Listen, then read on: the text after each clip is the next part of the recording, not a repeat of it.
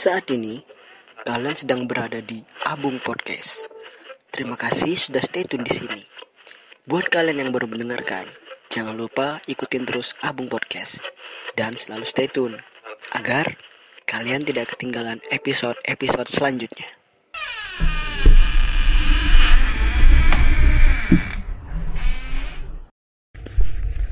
Kali ini di malam-malam misteri eh, ada sebuah cerita tentang mitos kepercayaan masyarakat gitu tentang kamar mandi yang berada di tengah ladang.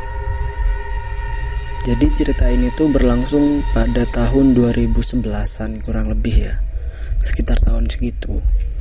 Jadi ini cerita tentang kepercayaan masyarakat di suatu desa akan sebuah kamar mandi yang keramat yang letaknya ini ada di tengah ladang dan airnya ini sering diminta untuk menyembuhkan penyakit seperti itu. Dan orang-orang di desa itu tuh percaya kalau kamar mandi itu tuh memang keramat. Tapi eh, aku juga kurang tahu asal usul kenapa kok kamar mandi ini bisa dikeramatkan seperti itu ya.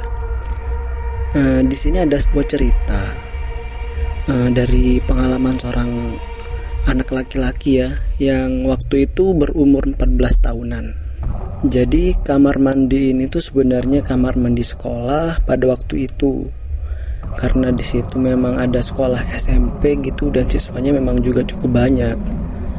Nah, jadi singkat cerita, seorang anak ini tuh pada waktu itu sedang duduk di kelas 9 gitu ya kan. Karena waktu itu memang sedang ada jam kosong sekolah dan anak ini tuh lagi main-main sama temennya yang lain kemudian mereka ini dipanggil gitu sama pengasuh sekolahan itu. Karena sekolahnya ini swasta gitu kan jadi ada pengasuhnya. Dan anak-anak ini tuh diminta untuk memindahkan kayu besar. Kayu apa ya buat bikin kerangka atap rumah gitu kalau nggak salah. Kemudian ya mereka bareng-bareng gitu kan mindahin kayu yang ada di depan kelas lantai bawah itu dan pengasuh itu pun bilang buat kayunya tolong dipindahin ke samping kamar mandi yang ada di tengah ladang itu. Nah, dan di sinilah kayak teman-teman dari si anak ini tuh sebelumnya memang sudah tahu tentang kepercayaan orang-orang pada kamar mandi yang ada di situ. Tapi si anak ini emang belum tahu tentang kepercayaan orang-orang dia ini cuman penasaran aja kenapa kok ada kamar mandi di tengah ladang? Intinya seperti itu. Setelah mereka memindahkan semua kayu ini di samping kamar mandi itu nah si anak ini kan bawa kayu yang terakhir sama salah satu temannya. Setelah kayu ini diletakkan si anak ini tuh kebelat buat pipis. Dan dia ini bilang pada temannya eh kamu duluan aja nggak apa-apa. Aku mau pipis dulu kata si anak itu kemudian kan e, temennya itu pergi ninggalin si anaknya sendirian di situ. Tepat di depan pintu kamar mandi itu. Sempat sesaat dia itu terdiam kayak ngeliatin pintu kamar mandi itu. Pandangannya itu kayak menerawang gitu ya kan biasanya kan kalau ada orang melamun gitu melihat tembok atau ngelihat objek apa gitu kan pandangannya bisa kabur. Eh bukan kabur kayak menerawang gitu ya kan. Nah dia mengalami kayak gitu. Pandangannya itu menerawang masuk ke dalam kayak gitu. E, dalam bayangannya itu dia tuh ngelihat tempat air dari semen gitu ya kan. Kayak kayak kamar mandi desa itu terbuat dari semen gitu tempatnya. Itu tempatnya kumuh tapi airnya bersih dan bening banget gitu. Sempat sekelebatan gitu dia ngerasain ada sesuatu yang sedang duduk di atas tempat air itu. Tapi kurang jelas karena tiba-tiba dia kesadar gitu ya kan. Kemudian tanpa pikir panjang dia malah pipis di depan pintu kamar mandi itu. Mungkin karena saking kebeletnya gitu. Setelah itu dia langsung pergi dari tempat itu. Nah, kemalamannya si anak ini tuh tiba-tiba panas tinggi panas banget badannya itu dia tidur dan dalam tidurnya itu dia tuh mimpi kalau rumahnya itu tiba-tiba kebakar kebakar gitu. Dan yang kejebak di rumah itu tuh cuman dia. Nggak tahu orang tuanya ke mana. Intinya yang ada di rumah itu waktu kebakar tuh cuman dia. Nah kemudian setelah itu dia ngerasa kalau apa ya kayak jiwanya gitu kayak ruhnya gitu ya. Itu kayak ngerasa diangkat sampai ke atap rumah gitu.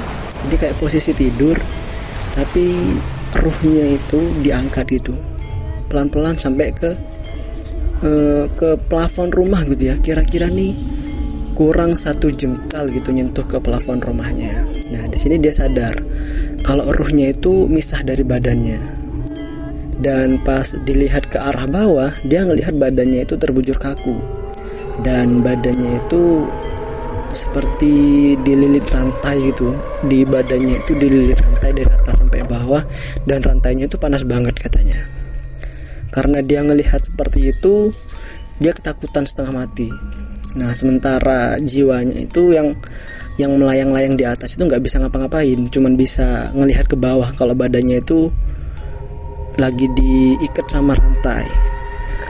Di sini untungnya si ibu dari anak ini nih masuk ke kamar anaknya dan bangunin anaknya yang kelihatan seperti ketakutan dalam mimpinya gitu. Kemudian anak ini pun bangun dan badannya itu udah keringat dingin gitu kan, banyak banget pokoknya.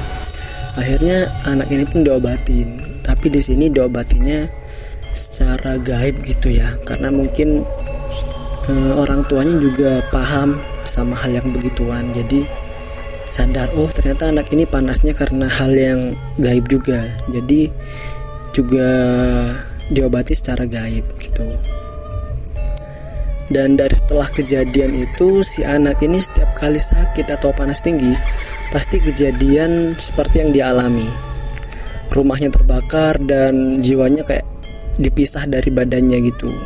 Selalu terjadi kayak gitu dan setelah itu pun dia apa ya eh, setiap dia ini melakukan sentuhan fisik meskipun kecil gitu ya. Mungkin kayak misalnya kayak dia tuh disentuh seseorang gitu. Disentuh cuman pakai jari aja disentuh tik gitu. Tapi yang masuk ke bayangannya dia itu kayak dia tuh ngerasa ditonjok gitu. Jadi efeknya tuh yang besar.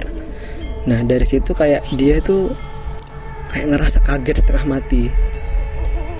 Kejadian itu pun terjadi sama anak ini sampai bertahun-tahun.